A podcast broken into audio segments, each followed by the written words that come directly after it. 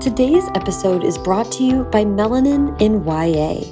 Melanin in YA is a database comprised of Black YA authors, literary agents, editors, industry professionals, and influencers. It provides bi monthly news roundups of book deals, cover reveals, and more. Melanin in YA is your source for all things Black in traditional young adult publishing, and it's perfect for readers, writers, teachers, librarians, event organizers, and more. Melanin in YA, created by writer Melody Simpson, officially launched in January 2021 and is dedicated to amplifying Black voices.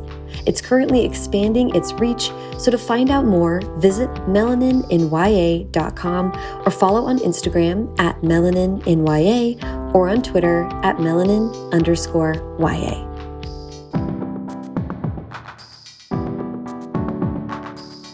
Welcome to First Draft with me, Sarah Enni.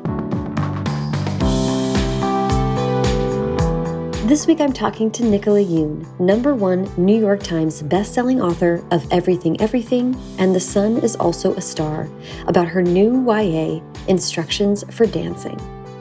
We also talk about her brand new publishing venture. She is co publisher, along with her husband, author David Yoon, of Joy Revolution, a Random House young adult imprint dedicated to love stories starring people of color. I so loved what Nicola had to say about the real life happening behind the social media feed, on letting go of a book that just wasn't working on finding a sideways way to write about loving despite knowing it will cause us pain, and on her day to day life as an author and co publisher. If you'd like to support First Draft, a quick and easy way to do that is by subscribing to the podcast wherever you're listening now and by leaving a rating and review on Apple Podcasts. You can also go to the website, firstdraftpod.com, to check out the show notes for this episode, which will have links to everything that Nicola and I talked about.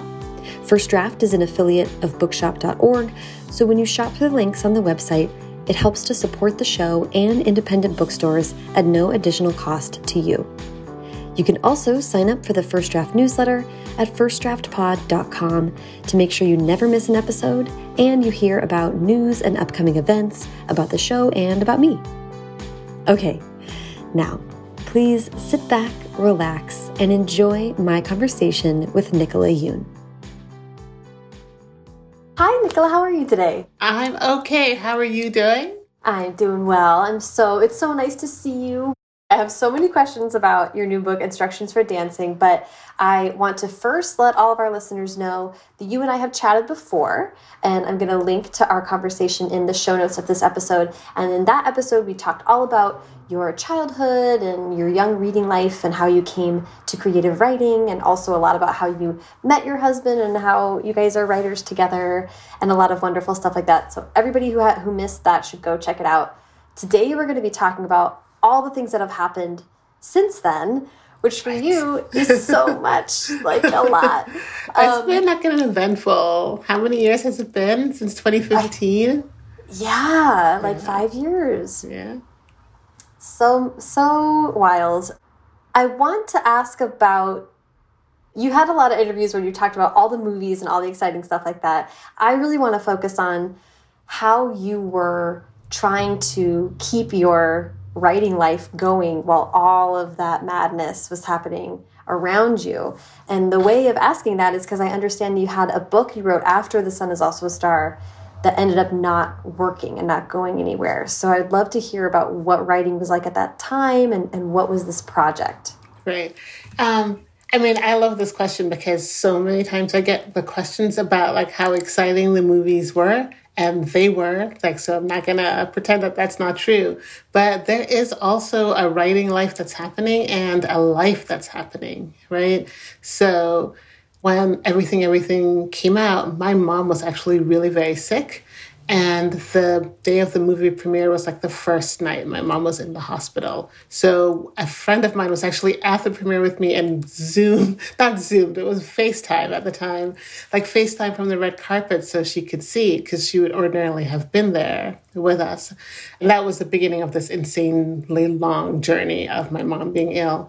And so that's no one knows that, right? So my very close friends all knew what was happening, but that's not sort of what's in the world. And it's not, I mean, I'm fairly private anyway, so it's not something that I would have talked about, certainly not while it was happening.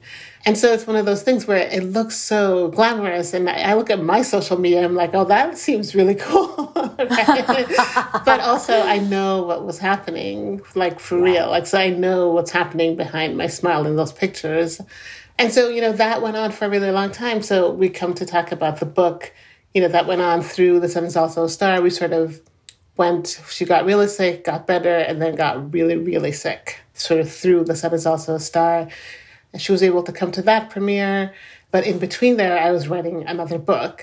And and it was not a good book, Sarah. not gonna lie. um, you know, I tried. I I revised it and I revised it and I did it a million times and it just never got to that place where I mean, I feel like it was a competent book, but it wasn't mm, magical. I mean, which is not mm. to say that I feel like any of the books are magical, but I like them, right? So, right, right. right. It, it, never got to the place where I felt like, oh, okay, I can just sort of let this go. And my editor agreed, right? So we let it go but it was really painful, right? Because I spent a long time on it. And the problem with the book, I think, right now, several years later, is that there is, it's just a sad book, right? Like, I was grieving. My father in law got sick, um, a terminal illness, and he was with us for another year. And then he died while I was writing that book, right? And so, and my mom was really sick, and we weren't sure if she was going to make it. And so there's just so much grief in the book, and I couldn't see my way through it. Like I just couldn't write mm. my way through it. So it just feels like a book that's one note. It's just very mm. heavy. So I think that's what happened. And and it's something I like to talk about when people ask, not the illness, but just the fact that you know you can be successful and also still fail, right? Like you can have a thing that mm. does not work for whatever reason. You know, life happens no matter what. like the mm-hmm. writing has to go on, but life goes on no matter what. And so you it can fail, right? And so then now it's been like four and a half years in between books, and you know now I have this new one, and I'm completely anxious about it. But right. yeah. Right. And you had a wonderful quote about that, about the fact that it was a grief ridden book. Um, uh, the quote here, like to quote you to you, but uh, it was a very, very, very sad book where I was deep in my emotions and I could not see my way through to a story. It was mostly one emotion, and that emotion was grief. And I thought that was a, a really knowing and like comprehensive sort of way to think about your own book. You know, your books are not straightforward, like 100% happily ever after books. Your books do deal with with real issues and, and, conflict. But the connective tissue between all of them has been this worldview based on hope. So it did kind of strike me like if you were at a point where that was hard for you to see, that it would be hard to build a story based on that. Yeah. I mean, because like real life and books aren't the same at all, right? So you know, you have to have an arc and a journey, like, you know, certainly in the Western tradition of writing things, right? There has mm -hmm. to be mm-hmm. some sort of change. And I promise you, this book is just an extended yowl. it's just sadness. Um, yeah. And I couldn't see it, but my editor did, right? I just couldn't see how she wasn't changing. There was no, there was no journey for her. Like it was just, and mm-hmm. I was just, I was just too much in my grief to be able to say, anything, right? And for me, the books have to say something. I still, it's still hard to talk about weirdly. Like it's just because I put so much into it, and I don't know if it will ever work. I right. don't think so. Mm. And, and do you feel like writing that book gave you a place to work through things? Do you think that you were untying knots in yourself, or was it just totally? I mean, it's you. It just happened, so I feel like it can be hard Yeah. to, to feel too. But No, I was mean, it therapeutic at all? I don't know. I mean, therapy was therapeutic. like I like got my butt into therapy because wow, did I need it? Um, but I, I don't know if I could have written instructions without writing the the terrible one. You know, so unfortunately, I hate saying that because it was so painful. It's so painful to set it aside, but also I think it was necessary, right? You know how mm-hmm. people always say, well. You don't meet the love of your life or you're whoever you're supposed to be with without going through like the bad boyfriend, girlfriend, whoever. And I always mm-hmm. hate that. You know, like you don't have to go through the bad thing to end up with the good thing. but in this case, I kind of feel like maybe I did. Right, right. I want to ask if you don't mind sharing whatever you you feel comfortable sharing about the publishing professional side of that. If you were, it sounds like you were working with your editor, and they were able to say like, you know, this is like not going. Like, what were those conversations like? How did the team Yeah. come to an understanding that this wasn't going to be it, and how did you then try to move on from that? Right. I will say I do have like just the very good, fantastic team because I so I wrote this thing that I wasn't happy with and you know, I revised and revised and my self confidence just kept dropping, you know, like the number I mean it takes me four thousand revisions anyway, but this was a lot. um, and it wasn't I can tell when it's getting better. And it wasn't. It was just sort of flat. Um, But I will say the best thing my team did for me is that they just believed in me. Like they really did. They just did not give up when I mean I, I wrote this in my acknowledgments. I gave up on myself and they were just like, Nope, you can do it. Take a break, take as much time as you want. And you know, like it's not ideal to have that this huge space between books, right? But I think everyone wanted me to feel good about a book and they wanted to feel good about it and they were just like okay just take the time i mean and they were because honestly like if they had said that last book was fine i would have been like yeah let's get it out uh, and i'm glad they were like are you sure and then i was like no you're right but i didn't want to like it's not like i wanted to let it go right. and so, as much as people are looking for people to say yes, which clearly you are, sometimes it's better if they say no or if they say, let's just take a pause here um, and think about it. You know, they're like, there is no rush. You can just, you know, revise this or do something else. We'll wait for you. And that was great. Yeah, that's so nice to hear and really like it's good to hear about and I think I think this is true more often than it isn't, but that public people in publishing are invested in an author and growing an author and staying with an author and having something that everybody believes in um, is still the kind of the core of what we do, you know, is a bunch of people that want to enable art. Yeah, you don't want, I mean, I always tell new authors too, like, you just don't want someone who's invested in just the book, like one book, right? You really do need it to be the whole career and the person because it's going to be up and down, right? Even your most favorite writers have a book that you don't think is as good or you don't like as much, right? And doesn't sell as well. Um, so you really do want people behind you who believe in you and like the whole sort of, you know, what you're trying to do in the world.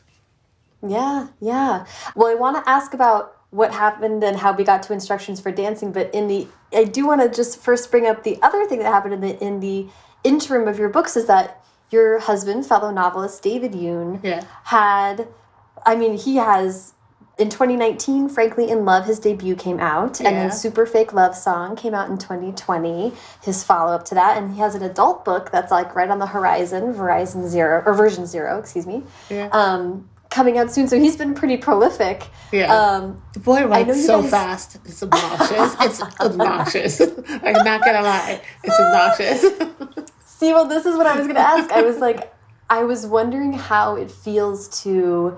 Uh, being a writer is a really emotional roller coaster, and you guys are on there for each other, but having it be in the same house and going through different deadlines and timings and everything.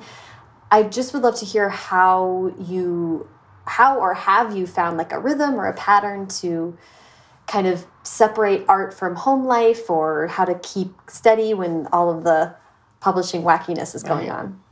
yeah, I mean, you know, it's been the way we know each other is from writing, right? So we met in graduate school. We're in our first workshop together. So talking about stories and ideas and reading each other's works has always been part of a relationship. Like I fell in love with him partly because I loved his writing. Do you know? So like we don't know each other another way. Like uh, do you know we're we're creative together yeah. just as a couple. But like being professional writers is different, right? I mean, because it is up and down, and publishing is a roller coaster, and there are days when I'm just like, honey, it's fine. We're going to be fine. and there are days when he does it for me and not just for publishing, but for the writing too, because, you know, writing just sucks sometimes. I mean, yeah. there are days when you're just like, this, why am I doing this? Um, and so the days when, when I'm like that, you know, he, he's there to hold me up and I do it for him. He has fewer of those days, to be clear, because he's way stronger than I am.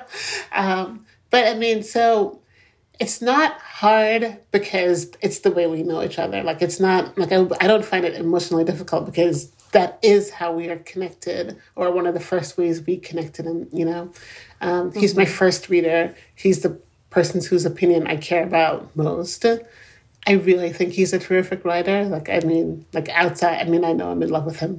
but I also really like his writing. When I read his stuff, I go, God, I gotta step it up I gotta get better, mm. you know? Mm-hmm. So, I mean, I, I'll say it's fairly seamless. What's hard is publishing is hard. And so it's, it's a risk, it's a risky business and we have a child and we're mm-hmm. trying to mm-hmm. make the world, you know, safe and stable financially for her. Um, mm-hmm. And so, like, if we get stressed, it's stuff like that. Yeah, business, the business side yeah. of of things is hard, and and you know, and again, this is like I don't want to um, this is what I think of when I was trying to put myself in that position. Like it would be an interesting place to be in to making financial decisions for your family that also are tied up in art and your and feelings and things like that right. is hard for even one person and then when you have two that would just be a whole different kind of conversation to right. have at breakfast right right i mean and i'm quite risk averse right? I, so i used to work in finance and so for me it's just like let's just put all the money over here. Like and never touch it. Just right. in case no one buys our books anymore. I mean that's really how i think. Um, mm-hmm. and you know I'm, I'm aware that you know sometimes people like your books and sometimes they don't right? And mm-hmm. penny still has to go to college right right and i need to leave her a nest egg and all that stuff so mm-hmm. that stuff is is the part where we both had very stable jobs before, like well paying stable ones, and now we're in this like, you know, creative career. We're like, what are we doing? Explain. yeah, well, I, I appreciate um, you speaking to that. And also, um, listeners should know that I was able to speak with David too before Frankly in Love came out. So um, they can go listen to his episode as well. The other thing that happened in the interim, and then I swear we're going to ask all about instructions, but is that you uh, got a new agent or you or you are working with Jodi Reamer. I'm just yeah. interested in I'm always interested in people doing that on that side of the professional world, like finding somebody new to come in and help you navigate things. And when we talk about Joy Revolution in a minute, I think she was um, integral in helping you guys set yeah. that up. So, what's it been like to to work with Jodi, and what's what's it been like to have that new relationship to encourage you in this at this stage in your career? Yeah, no, so I met Jodi weirdly in England like a few years ago, and I'm not going to remember when. um, and I think I was at there for the Waterstones Book Prize, which I did not win. but I was in England and where were we? Oh, I know. We were at the Random House UK office and they were like throwing a little event and Jodi was there and they were doing this like little event and they had these cupcakes, these book cupcakes with like a my little um like a little cookie on top of the cupcake and anyway, Penny and David were at the hotel while I was at this event. And I just was sort of sitting there and I was like, oh, it'd be so great to take some of these home. And Jodi was there and she overheard me. And she just sort of disappeared and came back with this big, beautiful box, like all fixed up with cupcakes in there already. And I was Aww. like, wait, who are you? Why? What's happening? and it was just so nice. And, and, and I always thought of her and I always thought, you know, at the point at which I want someone to like help me navigate the industry or the world and maybe expand into other things that I've been thinking about, I was going to keep her in mind. And then I went out to dinner with Adam Silvera and Tahereh Mafi and um, Ransom Riggs. And, I, and David was there too. And we were talking, and I was like, you know, how do you feel about Jodi? And I remember Tahereh leaned in and she said, well, let me tell you. And she just glowed. And she's like, talked all that. And I was like, okay, I'm going to call her. She's like, and she's like, do you want me to introduce you? I was like, yes. Yeah. So then yeah. we went out to dinner or lunch that was supposed to be an hour and it was like five. Um, and she just really sort of got Dave and I and what we wanted to do and like, you know, because, you know, we have this vision for what kind of books we want in the world, not just ours, but like, mm-hmm. you know, for other people's.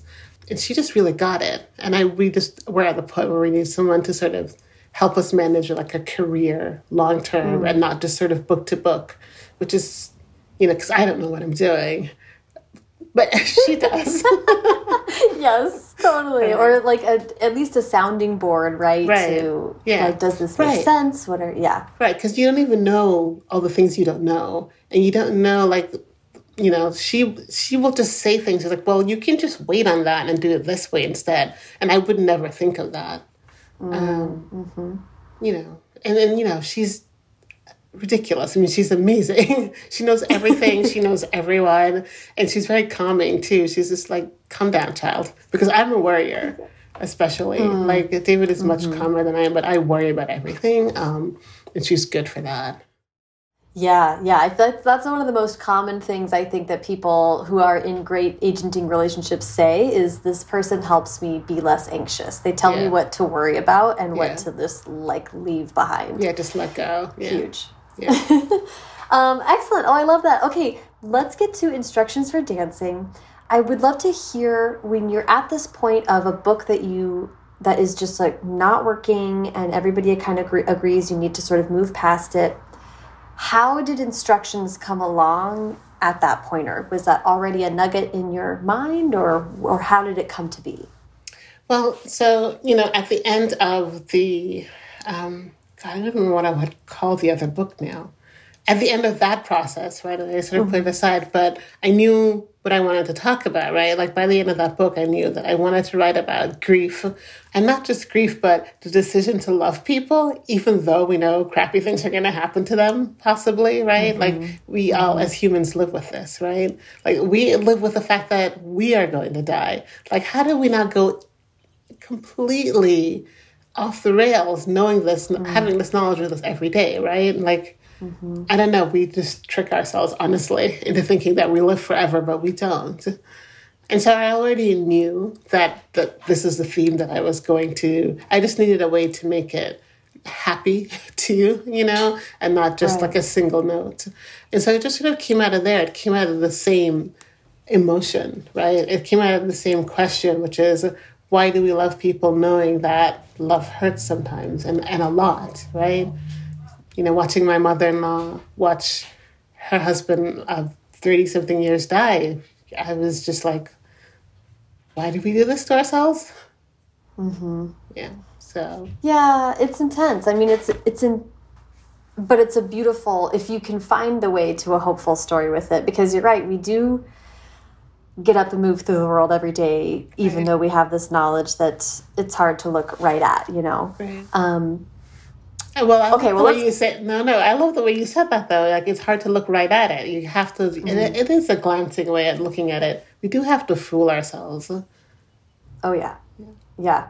It's like it's like close up magic on this huge scale all the time.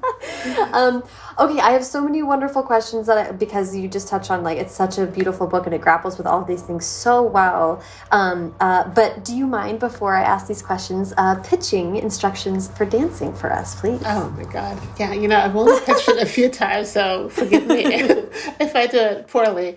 Okay, so instructions for dancing is about a girl named Evie who is having a hard time with life. Her parents have gotten divorced and she loved her parents and loved their relationship. And she's sort of cynical now. She used to be a big romantic. Now she's very cynical. And one day she develops a mysterious power where she sees um, the, the entirety of people's relationships. So if she sees a couple kiss, she'll see their beginning, like all the sort of key moments in their relationship, and then how their relationship ends. And the, the thing she takes away from this is that all relationships end and therefore are terrible. And why would I get into one? but then, of course, because this is a book, into that mix has to come Xavier, um, or X. And he's this, you know, hot rock star. And he is kind of the opposite of her. And he challenges her notion of what it means to love and, you know, why you do it in the first place. Yeah, yay, I love that. It was well done. You did great. Yeah, thanks. Uh, um, I love that you are. This is some of my favorite type of contemporary stories are ones that bring in this speculative element. Um, I saw some people describe it as magical realism, and it's not really it's not, that. No. yeah, it's, it's just contempt with a with a speculative twist, which is so mm. fun. Um, can you talk about what what made you inspired to do that? It's kind of like a, a spell that gets gets cast on her almost. I mean, what I could not think of a way to talk about the things I want to talk about and make it fun without doing something like this. Do you know what I mean? It's it's what you said. It's like it's I really do like to come at things sideways, right? Um, and then you know I just had all this stuff in my head. Do you remember the movie Big? Yeah. Um, um, Evie talks about it in the book, and you know, and I love those speculative things where it's like the world is the same, one little thing changes, right? And then you know, it's it's basically taking a philosophical question and sort of pushing it to, to the limit, right? I mean, it's what the best sci-fi does. It like takes this one thing and just sort of shapes the world around it, and then forces the reader to con- um, contend with like the question it's asking. So, I mean, I love that stuff anyway, like, and I love fantasy, and this is not fantasy, but I do like that little bit of magic in there that makes you really ask the question, what's love worth? Right? Because if you're going to see the beginning and the middle and the end, you're going to ask that question. Yeah, yeah. So you already mentioned that, that your mom was sick and that that was part of what what brought you into this. I want to know how you, knowing that going too deep was not working in the other book. How did you keep it present in this book, but but monitor the tone? You know what I mean? This is almost like a revision question, really, about how you made sure Evie was a fully rounded person who was going to deal with what the heart of what you're dealing with, but also keep up a level of right. Yeah. funness for the reader. Yeah. I mean, and this is where having a good editor is the best thing on earth, right? Because the first version of this book, pretty sad. Like mm. pretty one note and sad. And you know, my editor is smarter than I am. She just is. and, you know, she's like, I know you want to see this, but also, don't you want to see this? She's like, You're fundamentally a happy person going through a sad thing, Nikki. Right? So, you know, the fact that she knows me, the fact that she knows what I'm actually trying to say in the world helps, right? I revised this book a lot and she helped. I mean, she said it, it's too sad right now you know and revise. And i said right. Oh, i don't want to i don't want to i want to. And then i said oh you're right. And then i did. Which is and, I mean, standard. yeah.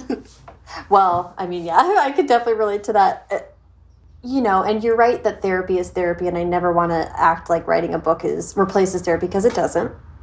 But that seems like a therapeutic exercise for her having you take another pass and like generate the positive side within do you know what i mean like it's yeah. just kind of asking you like find the positive here i can just feel yeah. that that might be a really a brain shifting yeah. way of looking at it well, I mean, I think what's so lovely at this stage of our relationship is she knows me so well, right? Like, and we've been through four books now, one failed together. And so she knows also that she knows that I'm a fundamentally optimistic person who's in love with love, right?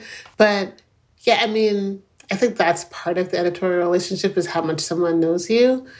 And then it's also just time. I want to say, like, you know, it took a lot, it took a couple years to get through to the end of this book. And sometimes I just put it away. And then when I went back to it, I could see that the arc wasn't there or that the sort of the joy and levity of it wasn't there. So by the time I got to the end, you know, I had a, all that stuff in, and then it was just sort of a balance between making sure I'm saying the serious part that I wanted to say, and also writing an actual teenage teenager, right? Right. Who, who smiles through sad things. Right. I mean, what's interesting, and I really appreciate you speaking so much to this side of the story because it's not because it is also a book that is lovely and funny, and there's a lot of jokes and a lot of different characters and uh, characters who are like just really fun together. But that you, you know, you talking so openly about how this book was you dealing with very sad things in your life did also make me look back at everything everything and sun is also a star in a in an interesting way too because those are also really about a lot of tough topics and it's it's broader than just like should we stay together at, when we're going to different colleges? Like that's not like mm -hmm. ever just what you're dealing with you know? So it almost makes sense for the the Nicola Yoon arc you know those books get cast as like mm -hmm. pure romance but of they course do, under the surface do. there's a lot more than that. Yeah. So this is a little bit more like you get the opportunity to be like hey we're really dealing with a lot here. Right. I mean i think honestly all, all my books start off sadder than they end up. Because it usually is from a question. Like I mean, it really is from something that's bugging me, and I'm I'm kind of a serious person, and then I have to like go back, like because I I write the thing I want to talk about in like it's almost like the purest, most sort of philosophical way of thinking about it, and then I have to go back and like put the story in, and then like actually make it you know, like real life and not just me going wrestling with something that's really bugging me. So they actually always start out sadder than they end up. That is so interesting, but mm. I but I really love that that's how you start because I relate to that. I think that for me, a, a question or something that's, I mean, my um, tell me everything is about social media and just being scared of it and yeah. not knowing how to how to reckon with with it even though it's still a part of our life. And so I think you could tell when you read that book, like it's about a lot of other things, but I'm dealing with that, yeah. right? Yeah. And so I think having a question or a concern drive a book is more satisfying for me as a reader because I can tell that someone's really trying to have a conversation about something. Yeah, me too. Like there's this sort of genre of movies and books that are just sort of you hang out and I think they're lovely for other people. Like I absolutely need mm-hmm. for there to mm-hmm. be like a, a, thing, like a big question. Like I really yeah. need it, and I don't know why. It's just how I'm made. Yeah, I agree. I agree, and it needs, you know because I could see instructions for dancing being a book that lives in concert with a lot of other great works that deal with this kind of it's like a before sunset type of thing you know what i mean? Yeah, like yeah. or, before sunrise, sunrise i always yeah, mess that up. yeah. i um, love that i love those movies all of them so much. Well the last one eh, but the, the first two. Yeah yeah totally. Um, so so I, I love the idea too of, of thinking i'm dealing with this question i don't have all the answers but there's so many things that it could be in conversation with to help every complicated individual person who's reading this book come to their own conclusions or think yeah. about it in their own way. I love that. I do want to ask so Instructions for Dancing does one of my favorite things, which is the book itself is named after a fake book that's inside the book. yeah. Um, and that book is tied, so Evie kind of gets gifted the book. It's tied into how she has this. I was about to call it a curse. It's not really a curse. It's kind of a magical thing. Right. Yeah. Her super magical vision. Yeah. yeah. Um, and that leads her to Xavier and this dancing studio, which is so fun and opens up this whole other world of fun characters. I want to ask about writing dancing. Do you dance? Do you know all these moves? Did you yes, have to look up your I'm instructions? actually a secret ballroom dancing expert. Listeners, she's flamenco dancing right now. Right. um, no, I don't know anything. I mean, so David and I took ballroom lessons before we got married, and we took them once after we moved to California, and then we took them again when I was writing this book. So like private okay. lessons, which were really fun. So we in the before time, we used to have like once a week date nights. Um, and so for a while when I was writing this, we would do our date night at our, our ballroom dance lesson. Um, fun. So, I mean, it was really a lot of fun just dancing together. And, like, you know, we did the private lessons so that I could learn it fast and also mm-hmm. ask a billion questions and not, like, sort of monopolize, like, a group mm-hmm. class, you know? Um, and the instructors are all great. It's actually the studio is based on a studio that's in LA. We had such a good time. So we did the bachata and we did the tango. And so, and then I watched many, many competitions for the stuff in the book. Uh, I love the things that our research leads us to do. It's so it was, fun. it was great. Um, and then there's a there's a waffle. Um, there's a, a cafe in the book also that's based on a cafe that's literally a block from me. Yay! well, I did love that you that it was an LA book that was so wonderful for you to get to be able to be specific about it. And yeah. every time like a person that lives in LA writes an LA book or whenever someone writes about their own hometown there's so many little like ooh I get to like mention this thing that bugs me about this place or whatever or like yeah. or this is one thing I really want to highlight so it's so fun to read for that too. But I do want to ask about just you know and also x is a musician and music is hard to write about and dancing and is a physical thing it's kind of like mm-hmm. writing a fight scene it's just a lot right. of yes. logistics almost yes, so how true. did you yeah how did you get into that and how did you like make it all feel effortless to read because it did in my opinion yeah thank you um, i literally would stand up at my desk though and do the steps like so that's why i took the class because i was like i need to just know what it feels like in your body like i didn't mm. you don't need to be an expert, right? But I just need to know a little bit what it feels like in my body to do it, mm-hmm. um, so mm-hmm. that I mm-hmm. could have Evie do it. And then I would like sometimes come like, honey, come over here, because I got to figure out where the hand goes and how it would feel, especially when they're partner dancing, because some of the dances are sort of more intimate and sexy than others, right? So like, how would she feel if she was doing this with the cute boy? And then for writing music, I love music. I am like a rock and roll, sort of grunge music kind of girl. And all the angst, there's not enough angst in the world for me. Angst is how I grew up. Um, and so getting to write like sort of, you know, he's not broody at all, but his songs are like sort of hard driving. And that was really fun for me. David actually recorded the song that's in the book. Um, I am not sure if he's gonna let me like put it out in the world, but he like recorded the drums and the guitar, like because he plays all he plays everything, and then put them together. Wow. It's great. But that's awesome. I have to talk him into it. I love that. Oh my gosh, I love that. You know, and it did, it did. I loved that Evie and Xavier and X, uh, um, he goes by are so philosophically at odds, right? She's very cautious. She she's done with love. She's young and jaded. Yeah. And X is very exuberant and, and ready to sort of say yes. Um, that's his philo philosophical outlook. And so it made sense to me to have music and dancing be these areas where, for a minute, your sort of conscious brain is taken out of the equation. You have a physical connection or you have a magical musical connection, and it just gives you access to some to another uh, relationship building in this other way that's so much more about instinct and other things that your brain right. can't consciously mess right. up you have to turn your brain off like i love yeah. to ski and one of my favorite things about skiing is that because I, I will overthink anything like seriously like i will think it to death please stop me like, just turn off right but when you're doing physical activities, especially things that are complicated and also might kill you if you don't concentrate on them, mm-hmm, um, mm-hmm. your brain has to, like, there's a part of your brain that turns off and it's great. So, skiing is one of those things where I'm doing them really basically trying not to die and I do not think about anything. Yeah. Um, and there's like yeah. a handful of activities that are like that, but that's true, especially for Evie. Like, when she's dancing, she can't sort of spin out of control, right? Mm-hmm. Um, mm-hmm. And I always feel like we talk about like sort of this mind body disconnect, especially in Western things, and they're not disconnected at all, but we always act like they are. Do you know? Yes.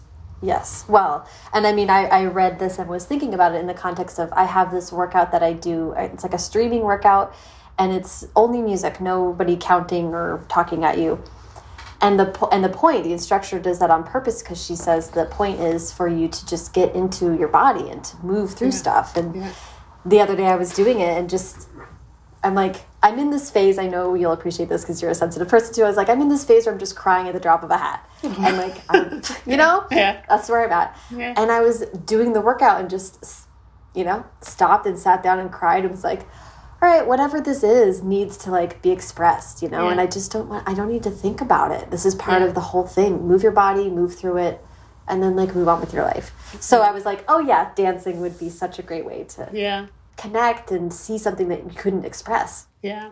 I will tell you, I've been crying about everything too. So, Something in the world, Taurus season. Yeah. oh, Taurus season. It is Taurus season, isn't it? Yeah. uh, gets you every year, you know. um. Anyway, I appreciate uh, uh, you speaking to that. That was, and also I could. T- I was like, oh, Nicola definitely took dancing lessons, and she was definitely enjoying this because it really it read like so joyful. I want to make sure that we talk about Joy Revolution, uh, which is such an exciting thing. Do you mind just telling people what Joy Revolution is? And I'd love to hear its origin story. Um, okay, so Joy Revolution is a young adult imprint at Random House Children's Books, and it's focused on telling big, spoony love stories starring people of color, written by people of color. And, you know, I mean, I feel like I, I, I've been talking about my sort of desire to see more love stories with people of color since like I started writing books, right? Um, And you know, it's one of the first things David and I talked about in grad school when we met. You know, like there's so many how there's so many stories, um, especially love stories, which I really love and he does too, that don't feature you know people of color. Like you always sort of have this sort of sassy black girl sidekick, right? She's not the main character. She's not like this sort of sweet, charming, vulnerable one who's quirky, who gets the guy or the girl or whoever, right? Like it's always uh, they're the sounding board on the side. And I can count on one hand the number of times I've seen like the super hot Asian boy romantic character, right? And I mean, the black boy that's like swoony and philosophical and big hearted and like holding the boombox or whatever, you just don't see these characters. And listen, I fell in love every other day in high school. So I know like black girls who are into love and love romance, they exist. um, and I am married to David and he is romantic and swoony and sexy, whatever. So I just want more of these stories in the world. Um, and David does too. And the origin story is kind of wild because I actually called um, Barbara Marcus, who's the head of Random House Children's Books, because David and I had been talking about this forever, like ever since graduate school. And it was last year, I called Barbara and I was like, you know, I think we should do this. I want to do this. So I like sort of picture what this could be. And Barbara is really funny because she listens very well. She listens, she listens. She's like, well, you know, write me something and send it to me. And I was like, okay, Barbara. And I was like, okay, this is an opening. And so then I wrote like a pitch for the whole thing, you know, like David and I worked on it. And then I sent it to her and she said thanks. And then I hadn't heard from her for a couple of weeks. And I was just like, oh, I guess it's dead. And then two weeks later, I get this note from her, very short. It's like, this is great. I want to do it. Let's do it. And that was like the whole note. And I was just like, Whoa! Oh my gosh. Marcus, you're killing me. I screamed. I like ran. I'm in my office right now. I ran from my office all the way through our house to like where David is. I was like, Barbara said yes. It's absurd. Oh, that's so exciting. She's amazing. She's like she's been such a great champion, um, just of me and my career and now Joy Revolution. She's really just been lovely, like as a mentor.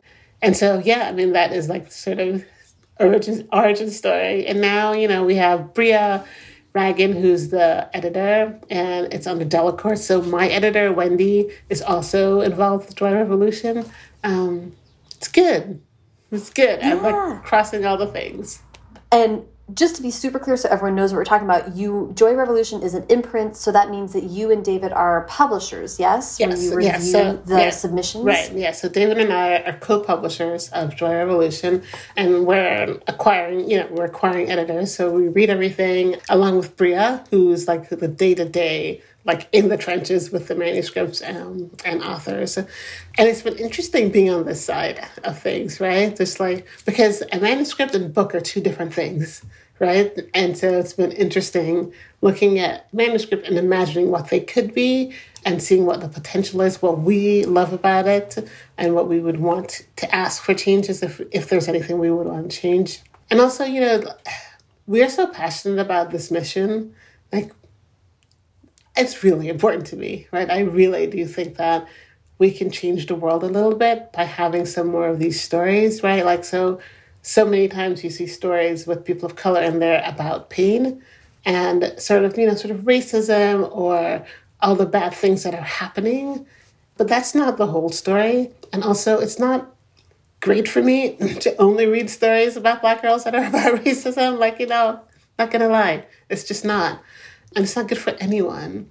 And it's also just not true, right? Like, there is, everyone gets the full measure of their humanity. Like, we contain multitudes. Everyone does, right? Um, and David, the way David puts it is like these books are meant to be a safe space for everyone, right? Like you pick up a Joy Revolution book and it is not going to be about people hating you because of the color of your skin. It's just not, right? It's going to be swoony and romantic and ridiculous in, in like the best ways. yes. Oh, yeah. that's wonderful. Um, and what is that? You know, I, I love that that's your mission, and I think it must be so much. I'm thinking about this in, in first draft and how I run it as a small business. That's more or less what you're doing is running this small business. And so when you have a mission, it makes it's so much easier. You're like the right. mission guides decisions, it does. right? It does. So many times I go, wait, but this does this actually fit? I'm like, this is a great book, but it may be for someone else. And so it does help to like have this like sort of goal in mind.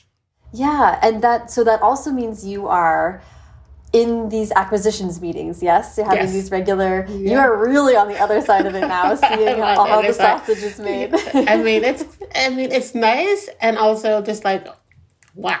the um, veil yeah, all the way back. Right. Yeah. But it's good though because I do feel like you know, there's my books, but also I just want to sort of shepherd lots of books and lots of authors into the world. I mean, this is my way of, like, I'm not a person that loves being online and being an activist online. I actually really hate being online, especially on Twitter. But this is my activism, right? Like, this thing that I'm doing is the thing that I really believe in. And so that's that's my way of like trying to change sort of the conversation and change things in America a little bit. I mean, I know this is a small thing, but you know, lots of little raindrops, lots of little people doing doing stuff maybe it will make a difference. Oh yeah, and and I mean, I was going to say, I mean, you and I are in this because we believe that one book has the power to change many lives. Like yes. that's part of why we do this, but you are also putting yourself in a position to multiple you you can publish many more books than you can write yes. right in a lifetime. Yes. exactly. So and that is definitely a part of it. I was like listen i can't write all the books. Uh, i mean there's so many wonderful books out there too. Let's be clear like i'm not like the first and only that's doing this but you know if i can help i'm gonna help. Absolutely just because again the um, the listeners of the show are, are publishing nerds like me so how many books do you get a season or per year or how are you thinking about the total um, what you're able to put out? Right. So we're thinking four to six per year to start right just because we're getting our feet wet. So that's what we're thinking. And then you know we have plans for like empire but we, have to, we have to begin first. And four to six books a year i mean i have got to imagine you're reading many, many, many more than that as the publisher. yeah. Yeah. So how has that so far? It's it's um, as we said, just got founded in 2020. The first books will come out in 2022, mm-hmm. but you're already like fully in it. Yeah. How is it? balance how, how much time is it taking how are you i'm so interested in how it's yeah. been on a day-to-day basis i mean it's a lot of work so to be clear i mean that's just true but you know, I've said it like a few times, but like I just don't know how else to be. Like I really want this to, I just really need to do this, right? And so, you know, we get up early a lot of days. It's been easier now. Our little girl is back in school, but before she was home as all kids in America were, right, for a while. And so it's a lot of work, sort of reading through everything and also maintaining our sort of, you know, writing careers. And we both have books coming out, so we have all this other stuff on top of it. It's not been onerous though, like because we're both so passionate about it. It's just like, you know, we have to read that manuscript and I go, oh my God. And then we just sort of stay up to read it, you know, and just do it. Yeah, yeah. I appreciate, yeah, I appreciate that perspective on it because I do think, yeah, yeah, there's not a magic uh, solution ever, yeah, right? It's just, kind of like, like, no, you just do the work. you just gotta do it, right? Like if you really want, and it doesn't feel so much. I mean, there are days when it feels like work because I'm tired and I just want to go to bed. Um, but it also it's so fulfilling, so it's okay.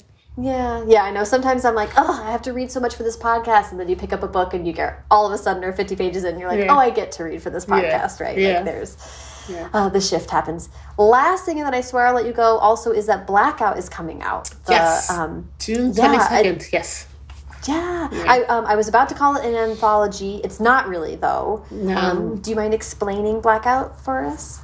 Yeah. So it's funny that after going for four and a half years without a book. Now I have two. yeah. and it's just like, what? What's happening? Um, all right, so Blackout is wonderful. Blackout is an interconnected novel. It was Dhonielle Clayton's idea. And the, uh, the main idea is, you know, it's a blackout in New York City, and we have like six stories of six couples sort of navigating the, this um, blackout. And they're all connected to each other. They all know each other.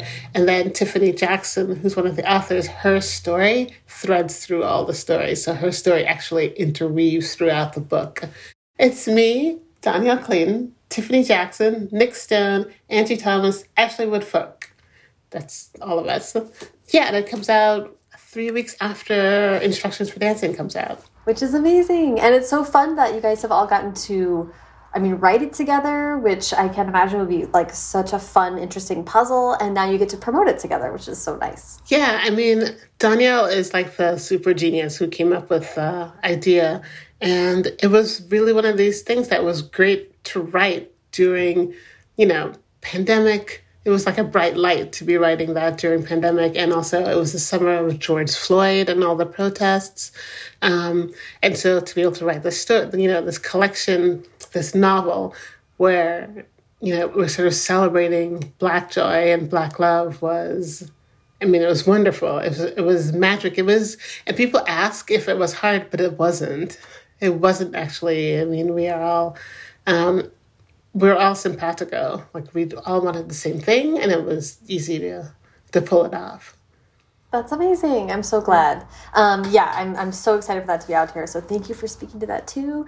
So, Nikki, I love having people back on the show because then I get to ask them what they've learned in the interim. You've had so many kind of pivotal experiences in the interim that have given you such new perspective on publishing. So I'd love to just hear if any of those experiences have given you new advice that you would like to share with writers. I would say, you know, sort of in the age of social media and um, and writers being sort of asked to promote their books and and therefore to promote themselves, just remember to keep some stuff for yourself.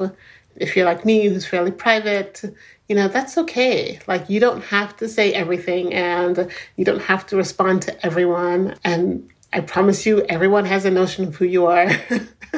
but try to remember that that is not who you are. Mm-hmm. like you are yourself and you know the truth about yourself. Um, and it's okay to keep some stuff close. It's a, it's okay to keep some stuff private. And also, please, please, please have friends who are not in publishing or if they are in publishing that don't care about publishing at all. They don't care if your book is does well or doesn't. They just love you. I think that's really important. Mm-hmm. Um, and I think that I have learned that, like in a fairly hard way, um, especially in this sort of gap between books. So, yeah, mm. please yeah. remember. Yeah. I think that's really wise and, and really smart to. I also like,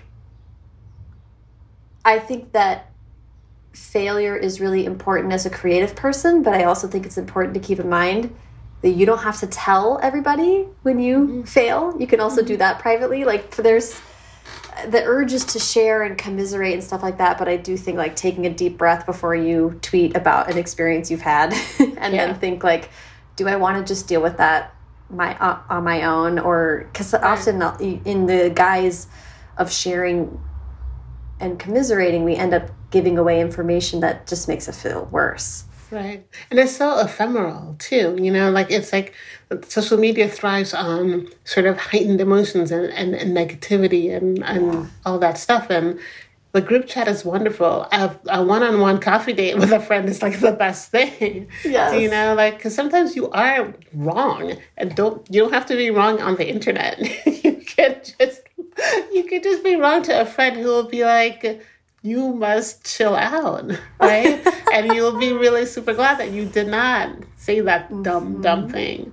Mm-hmm. Um, and also, like you know, they're friends who are in real life and they love you. They don't love mm-hmm. all the rest of it, right? Mm-hmm. I will say that sort of in between Sun and this new book, you know, there was all this success and the book, you know, I didn't tell everyone what was going on with my mom or my father-in-law. And I was at an event, like when I was sort of emerging from all of that, and my mom was on the mend and David was recovering and we, I was recovering from my father-in-law and, and someone sort of implied that I had just like taken off because I was so successful and I wasn't around anymore. And it sucked. And I was just yeah. like, you have no idea. um, yeah. And so like, you know, just be aware that there's like, there's you and there's a sort of fantasy of you that people build in their heads. And that's just because of social media. And, and it isn't really real. What's really real is like coffee with a friend or the group chat or, um, and you know, you make it what it is, but keep you for you. Yeah. Oh, I think that's really wonderful advice. I think the you don't have to be wrong on the internet is the pull quote from the, from maybe this whole podcast. you don't have to be loud and wrong on the internet. So many people are loud and so wrong yes, it's so wrong. oh my gosh. Um, well, it was so joyful to see you today, Nicola. Thank you for chatting with me and giving me so much time. I really appreciate your generosity with that. Thank you for having me again. It's nice to catch up and to see the sort of bookends. I know it is, yeah. and I loved instructions. I'm so I'm so oh, glad it's out in the world. Yeah. um, and hopefully we can hang and have coffee soon. Right in real life. In yes. real life.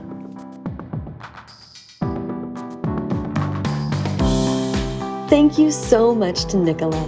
Follow her on Twitter and Instagram and also on TikTok at Nicola Yoon. You can follow me on Twitter and Instagram at Sarah Enni and the show at First Draft Pod.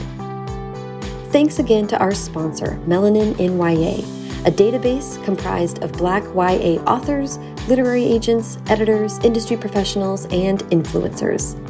Melanin in YA is a pivotal resource for everyone involved in traditional YA publishing, and it provides a bi monthly news roundup of book deals, cover reveals, and more. Check it out at melanininya.com or follow on Instagram at melanininya and on Twitter at melanin underscore YA. Like I mentioned at the top of the show, leaving a rating and review on Apple Podcasts is a great way to help support the show and help new listeners find us. Lately, people have been leaving amazing ratings, and I'm so grateful for that. But I'd love to read some new reviews. So take a couple minutes, go over to Apple Podcasts. If you leave a review, I will read it on the show and give you a shout out and some listener love. First Draft is produced by me, Sarah Enni. Today's episode was produced and sound designed by Callie Wright. The theme music is by Dan Bailey, and the logo was designed by Colin Keith. Thanks to social media director Jennifer Nkosi and transcriptionist at large, Julie Anderson.